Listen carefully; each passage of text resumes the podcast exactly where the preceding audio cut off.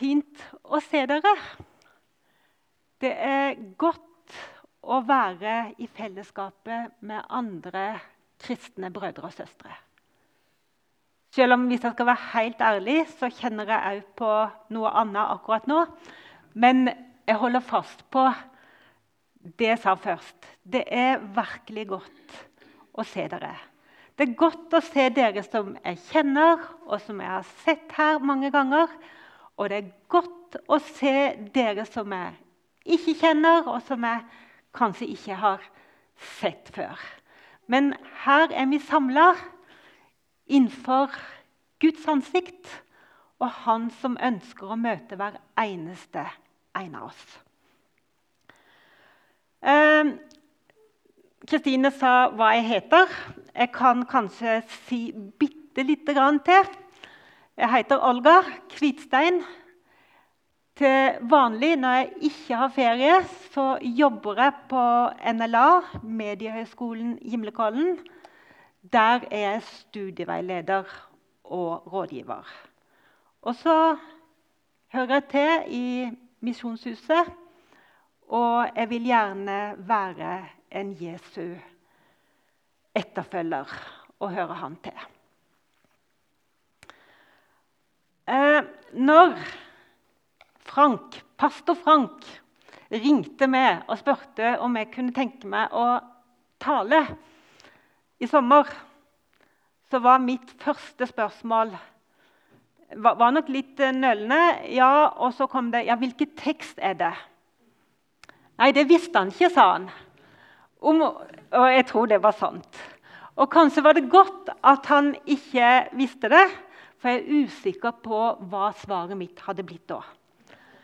Det skal jeg ærlig innrømme, for med en gang jeg leste dette, så tenkte jeg hjelp. Del 1 er OK.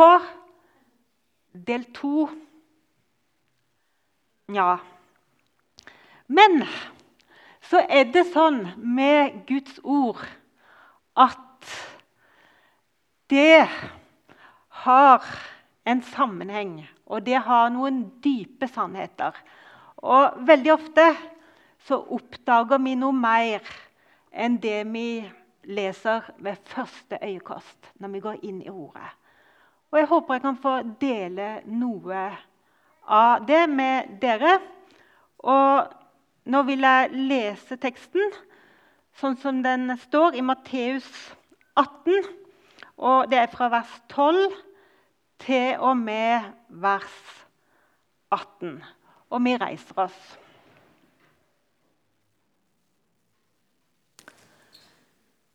Hva mener dere dersom en mann har 100 sauer, og en av dem går seg vill? Lar han ikke da de 99 være igjen i fjellet, og går og leter etter den som er kommet på avveier? Og skulle han finne den Og skulle han finne den, sannelig, jeg sier dere, da gleder han seg mer over denne ene enn over de 99 som ikke har gått seg bort. Slik vil heller ikke deres far i himmelen at den eneste av disse små skal gå tapt. Dersom din bror gjør en synd mot deg, så gå til ham og still ham til ansvar på tomannshånd. Hvis han hører på deg, har du vunnet din bror. Men hvis han ikke hører, skal du ta med deg en eller to andre. For etter to eller tre vitners utsagn skal sa, hver sak være avgjort. Hvis han ikke hører på dem heller, skal du si det til menigheten. Men hvis han ikke engang vil høre på menigheten, skal han være som en hedning eller toller for deg. Sannelig, jeg sier dere, alt dere binder på jorden, skal være bundet i himmelen. og alt dere løs, løser på jorden, skal være løst i himmelen. Vær så god, sitt. Ja, Herre, takk for at du taler til oss. Dette er ditt ord, og vi ber deg om at du som er den eneste som kan redde oss, og du som gir liv Herre, må du komme til hver enkelt av oss og møte oss som den du er, som Herre og Frelser, og som den vi kan følge. Vi ber om det for ditt navns skyld. Amen.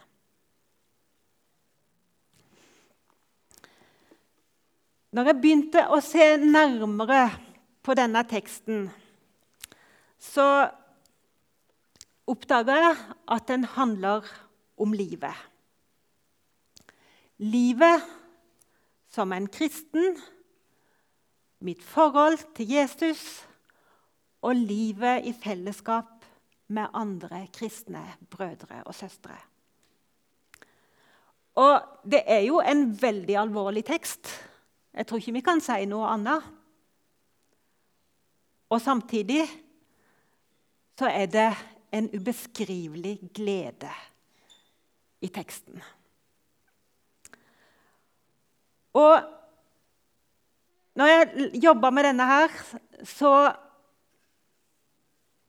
har jeg kommet til det at denne teksten og det jeg skal si, det må rammes inn av et minneord. Og hvis ikke du husker noe annet, så kanskje du kan huske minneordet. For det er det Jesus sier i vers 14. Slik vil heller ikke deres far i himmelen at den eneste av disse små skal gå tapt. Det er det som ligger bak det vi leser her. Ikke en eneste en av disse mine små. Og i, i møte med teksten her så, så begynte jeg å, å, tenke på det alvoret. Ja, det er en mulighet å gå seg vill. Det er en mulighet å komme bort fra Jesus. Òg for oss som er her i dag. Og kanskje vi ikke tenker så mye på det i vår daglige vandring. Jeg lurer på om jeg tenkte mer på det når jeg var ung tenåringsjente. For vet dere, når jeg var 13 år, da kjøpte jeg meg dagbok. Og i den står det mye rart. Men på permen helt foran så skrev jeg en formaning til meg sjøl. Olga, for alt hva du gjør, ikke gå bort fra Jesus. Golgata holder. Og så skrev jeg 'meg selv' under.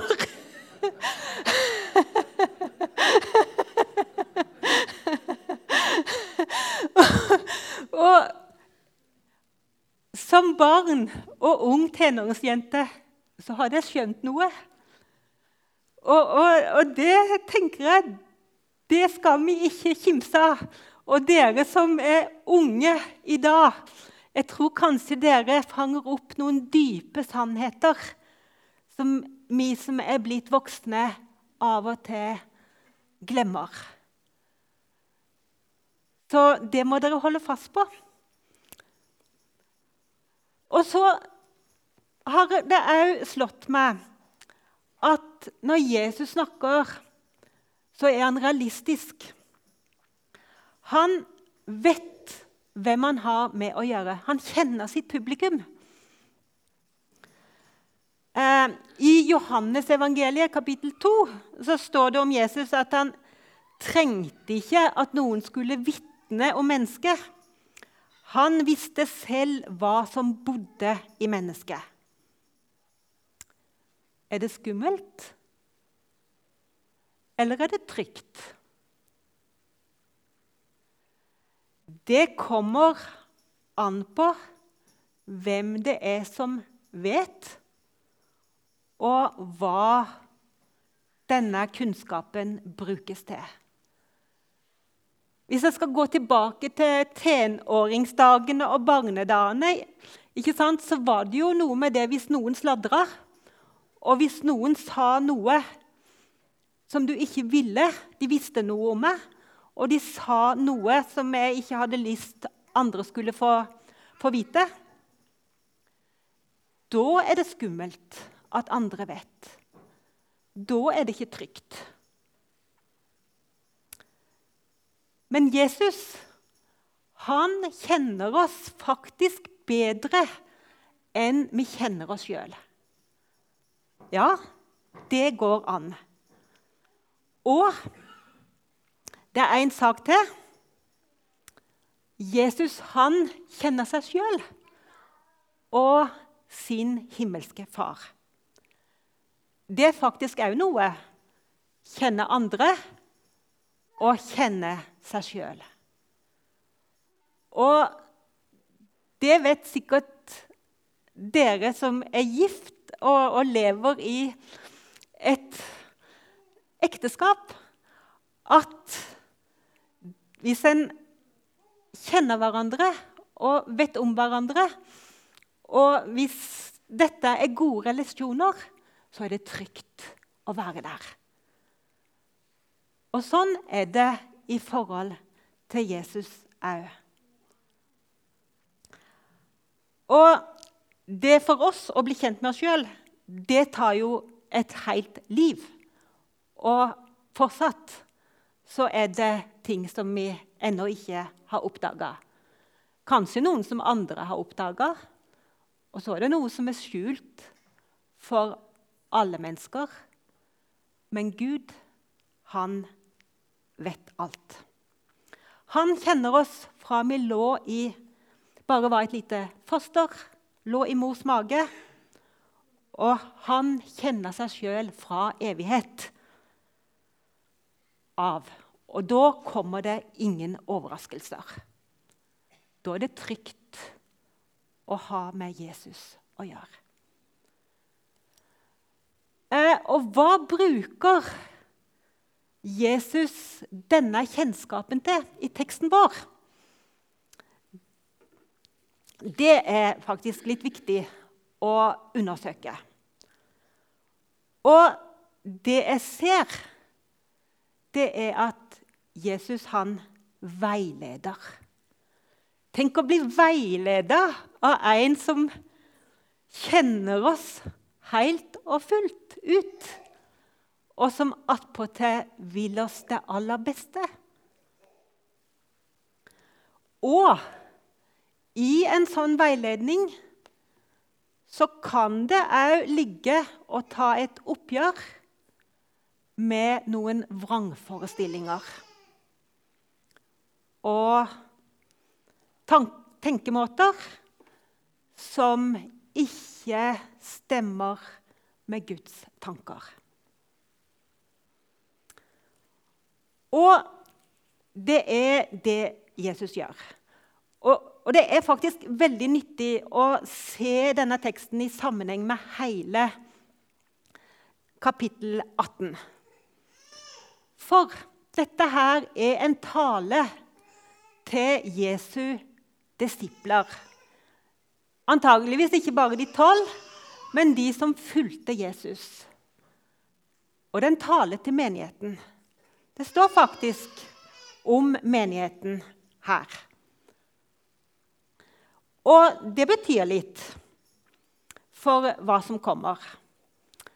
Eh, det kan hende noen av dere tenkte ja, men den fortellinga her om eh, sauen som har gått seg vill, og de 99 andre som ikke hadde gått seg vill den har jeg vel hørt litt annerledes. Ja, det har du. For i Lukas evangeliet forteller Jesus den samme lignelsen. Men målgruppa er en annen. Der er det fariseere, og de har kritisert Jesus for at han spiser med tollere og syndere. Og da Fortellinga er den samme, men da sier Jesus i konklusjonen at det er mer glede over en synder som vender om, enn over 99 rettferdige som ikke trenger til frelse. I vår tekst så sier Jesus det er mer At han gleder seg mer over denne ene enn over de 99 som ikke har gått seg bort. De som allerede hører til og er i Jesu følge. Men eh, jeg, jeg, sa at vi skulle begynne med, med starten på kapittel 8. Og det tror jeg òg er en nøkkel til å forstå noe av innholdet i denne teksten. For der begynner det med at disiplene de har diskutert hvem som er størst i himmelens rike. Så egentlig starta det ganske kleint fra disiplenes perspektiv. For når Markus forteller om dette, så ville de ikke helt ut med hva de hadde snakka om. Men de, de tidde stadig. Men igjen Jesus visste hva som bodde i dem. Og Jesus tier ikke. Får disiplene svar på spørsmålet om hvem som er den største? Tja, de får et svar,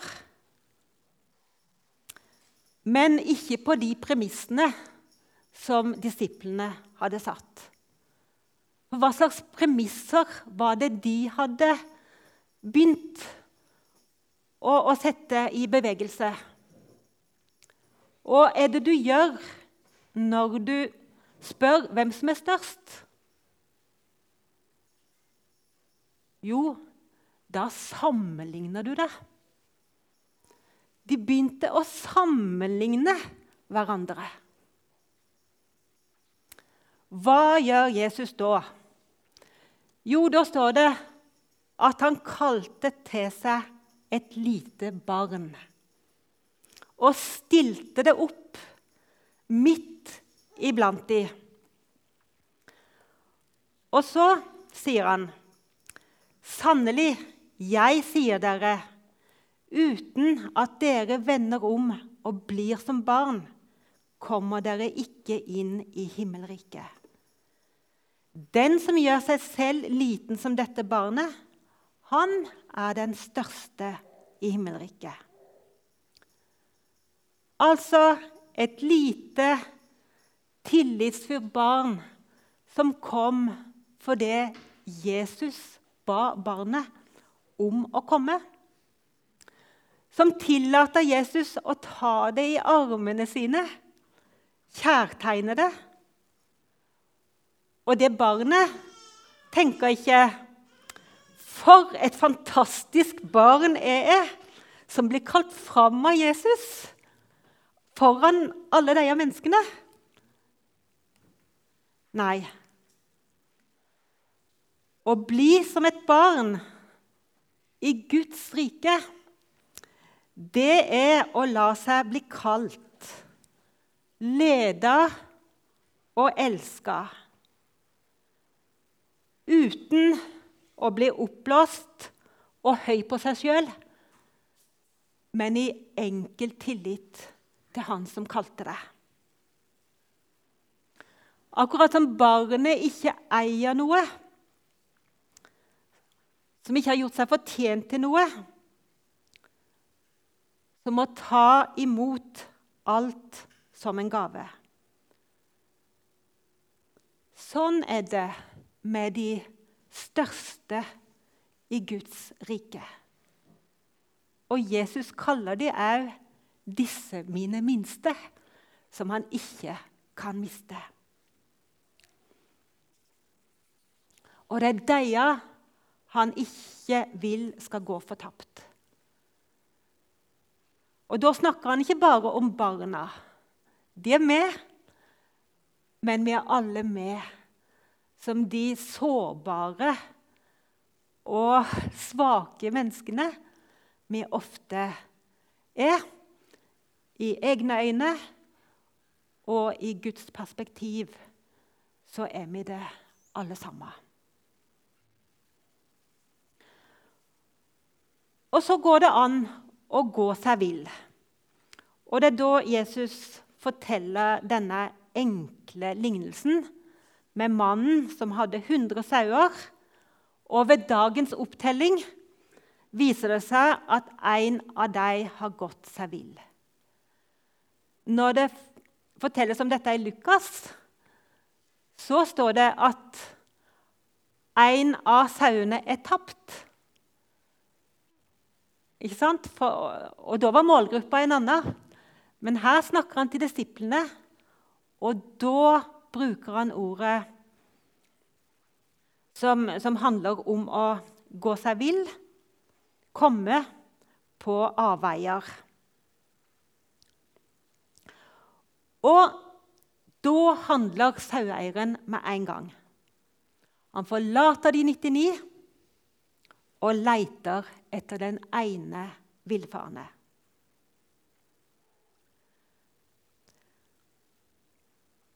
Og dette tror jeg vi skal forstå som bilde på et menighetsmedlem som har gått seg bort. Jeg tror det er så, så enkelt og så konkret. Men vi skal òg legge merke til hva denne saueeieren gjør. Eh, hvis dette hadde vært en moderne saueeier i dag, så er det mulig at han hadde tatt en risikoanalyse. Er det verdt det? Det er ulendt terreng. Jeg har jo 99. Jeg har jo egentlig masse. Må ikke regne med litt svinn. Og hvor stor er egentlig sjansen for å finne sauen? All statistikk sier vel at vi må regne med litt frafall. Det er ganske realistisk. Men her er det full leiteaksjon. Jonny, du har noen bilder for nå er det ikke sikkert at alle er så fortrolig med leiteaksjoner etter sauer. Men i Norge så har vi noe som heter eh, redd, Nå må du hjelpe meg, nå sto det helt stille. Rednings... Hovedredningssentralen. Vi har en hovedredningstal som sø... Altså, vi koordinerer søks- og redningsaksjoner på sjø, land og i luft. Fra sør til Nord-Norge. Det er ganske voldsomme aksjoner som settes i gang hvis noen har gått seg skikkelig vill. Og, og, vi ser her på, på fjellet Det er vill aktivitet for å søke etter den eller de som er savna. Og det bildet kan vi godt ta med oss inn i denne teksten òg. Nå kan vi ikke sammenligne alt med denne redningstjenesten, men det er faktisk noen elementer her av den De skal redde menneskeliv. Og hvert enkelt menneske, selv om en kanskje noen ganger har tatt en risiko ved å gå ut på tur, blir faktisk prøvd redda. Og som regel òg så blir det betalt for. De slipper å betale. Men nå hvis vi skal, Det halta litt, for jeg så det at eh, nå ville ikke helt denne redningstjenesten betale for alle disse helikoptrene i forbindelse med brannslokking og sånn. Så, så, her er noen forbehold. Men i Guds rike så er det betalt for. Og redningsaksjonen settes i gang med én gang. Og det skal vi ta til oss. For eieren visste at det òg var en mulighet å ikke finne sauen. Og så Ikke nok med det. Hvis han finner sauen, så gleder han seg mer over denne ene sauen enn de 99 andre. Denne ene sauen, som har skapt mest trøbbel, gir han desto mer glede. Denne sauen som var så fortapt, er funnet. Han var i stor fare, og nå er han i trygghet. Men er det ikke noe som skurrer her? Han gleder seg mer over denne ene enn over de 99 andre. Betyr ikke de 99 andre noe? Er det det han sier? Nei, og det står ikke det. Det er ikke sånn at de 99 var mindre verd enn denne ene sauen som ble funnet. Men fokuset er på forholdet mellom eieren og den ene. Og det Eierens omsorg for den ene her tilsvarer vår fars omsorg for hver enkelt. Av oss og av de som Jesus kaller disse mine minste. Så her kan vi ikke lage matematikk og si at én sau er verdt så mye, og så ganger du det med 99. Det er ikke det det handler om her. Hver eneste en er umistelig. Og igjen ser vi hva er det vi står i fare for å gjøre hvis vi tenker annerledes? Jo, vi sammenligner den ene med de 99. Men det gjør ikke Jesus. Det hører ikke med i et sånt regnestykke. Og jeg tror det ligger eh, en dyp, dyp hemmelighet her. For det er faktisk noe med den relasjonen som hver enkelt av oss har i forhold til Jesus. Den er unik, og den vil han pleie å ta vare på. Og det er tap hvis ikke han er i den relasjonen med oss. Det er tap for han, og det er et stort, stort tap for oss. Men det er faktisk like stort for han. Og vi, vi er jo veldig opptatt av at vi er forskjellige. Og Gud òg tar oss på alvor og møter oss i vår forskjellighet. Jeg syns noen ganger jeg får et lite glimt av det når jeg hører andre ber. For da er det akkurat som jeg kommer inn og få være til stede i et fortrolig fellesskap mellom en kristen søster eller bror og med sin himmelske far. Og der ligger noe av det unike og enestående som Jesus ønsker og lengter etter. Og samtidig så hører vi til i fellesskapet. Jeg tror vi, vi, lever i en veldig individualistisk kultur. Så vi kan av og til undertone verdien av et fellesskap. Så er det andre fellesskap som overvurderer og, og, og der det bare handler om storfellesskapet. Du har e- enkelte afrikanske samfunn der det heter at 'jeg er fordi vi er'.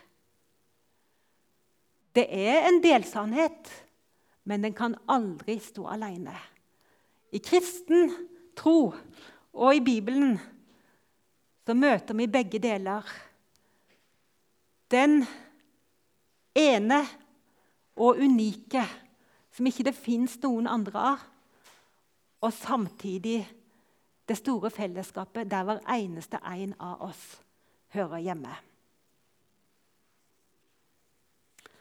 Og som denne saueeieren ikke kan tåle tanken på at en eneste en kan fare vill, og på avveier, vil heller ikke vår himmelske Far at en eneste en skal tapes. Det er ingen å miste i dette fellesskapet. Gud vil at alle mennesker skal bli frelst og lære sannheten å kjenne står det i 1. Timotius kapittel 2. Og ingen å miste, det gjelder òg i den andre delen. Dersom din bror synder mot deg. Og igjen er Jesus realistisk. Og vi har faktisk stått her og bekjent vår tro og sagt at vi tror på de hellige samfunn og vi tror på syndenes forlatelse. Og før syndenes forlatelse så er det synd som begås. Det er den mørke sannhet. Og hva gjør vi i våre fellesskap hvis noen gjør synd mot oss? Det er verdt å tenke på. Her får vi veldig konkret veiledning. Og jeg skal ærlig innrømme når jeg leste dette først, så ble jeg mest opptatt av hva det at noen synder mot meg, gjør med meg. Enhver står seg sjøl nærmest. Og det er ikke det at en ikke skal være opptatt av det. Men i denne teksten så handler det faktisk ikke først og fremst om det. Men det handler om at det er en bror eller søster som er i fare for å gå seg vill og komme bort fra fellesskapet med Jesus og menigheten på grunn av en synd. Det er en av disse som Jesus kaller 'mine minste' som er en bror og søster i Kristus, som kan gå fortapt. Og Legg merke til at Jesus sier 'din bror'. Det er en som har samme status i fellesskapet som det jeg har, og som du har. Hva skal vi gjøre da? Fortelle det til flest mulig så de blir advart? Nei, her er det en helt annen rekkefølge. Det kan hende det kan bli nødvendig. Det skal en Det hender. Men Jesus er klok. Han sier, 'Gå til din bror og still han til ansvar på tomannshånd.' Kjenner dere igjen saueeieren? Han som oppsøker, leiter opp. Det sier noe om holdninga. Og så stille til ansvar. Det ligger mye respekt i å bli stilt til ansvar. Vi skal faktisk ikke kimse av det. Da blir vi tatt på alvor hvis noen stiller oss til ansvar. Hvis noen ikke regner med oss, så vil vi aldri bli stilt til ansvar. Men Jesus, han stiller til ansvar. Og så skal vi legge merke til den positive tilnærminga i Jesu undervisning her. Han sier 'ta opp saken på laveste nivå'. Akkurat den kjenner vi fra konfliktløsning og sånn. Det er sånn en lærer. Prøv på laveste nivå først, før det eskalerer. Og det er klokt. Men så sier han Kanskje du kan vinne din bror. Det er det det handler om. Og hvis det ikke nytter, ta med to eller tre andre. I det kan det ligge en kvalitetssikring. Det kan hende det kan være nyttig at noen andre involveres. Kanskje kan det vise seg at en tok feil òg. Og dette er et prinsipp som vi òg finner i Det gamle testamentet. Men dere, dette er veldig alvorlige saker.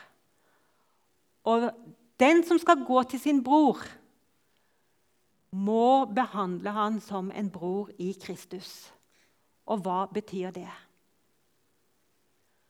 For det første det er Gud som søker den som har syndet og gått seg vill. Han er saueeieren, vår himmelske far, som ikke vil at en eneste av disse, mine minste, skal gå tapt. Det er nummer én. For det andre og skal vi gå i rette med noen, så må vi sjøl leve i nåden og vite om vår egen svakhet, slik at vår bror eller søster opplever å bli møtt av en tilgitt synder.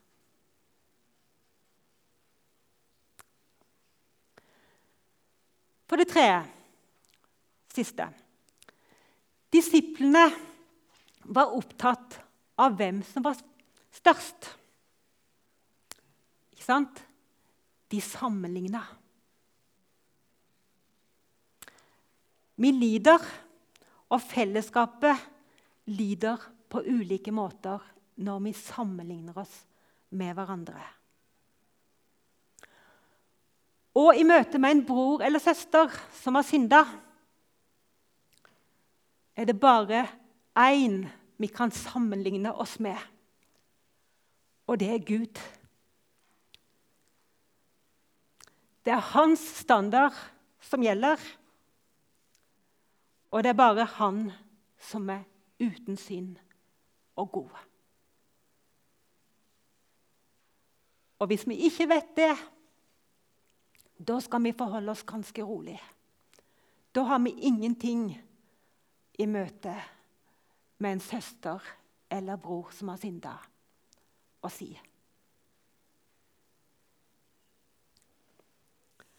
Og det er virkelig noe å lære her av Paulus. Når han snakker om sin tjeneste, så sier han at han er den største av alle syndere. Tenk det, Paulus. Der var han i møte med sine medkristne.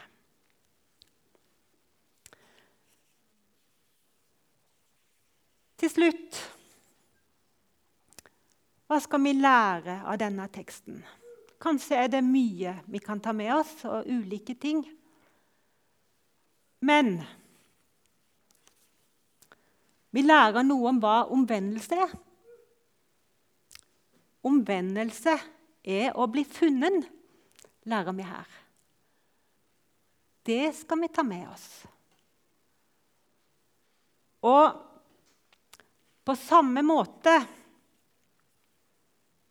som vi har en himmelsk far som leiter og søker for å finne, så skal vi være med som hjelpehyrder, om vi kan kalle det sånn, og leite og søke etter de som har gått seg bort. Og vi har en Gud og en frelser som ønsker å finne alle. Og han har glede av det. Og vi kan få glede av det.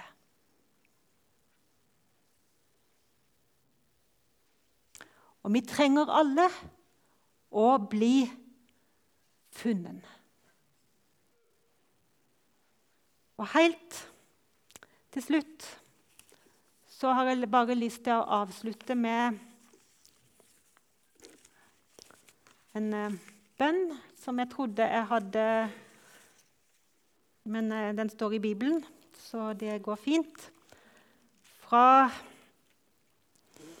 Salme 119. Det er en lang salme. Og det er det siste verset der. Det går det an å be innenfor Guds ansikt. For meg sjøl og på vegne av andre, hvis det trengs. Der står det sånn Jeg har gått meg vill som en bortkommen sau. Let etter meg, din tjener. Jeg har ikke glemt ditt bud. Amen.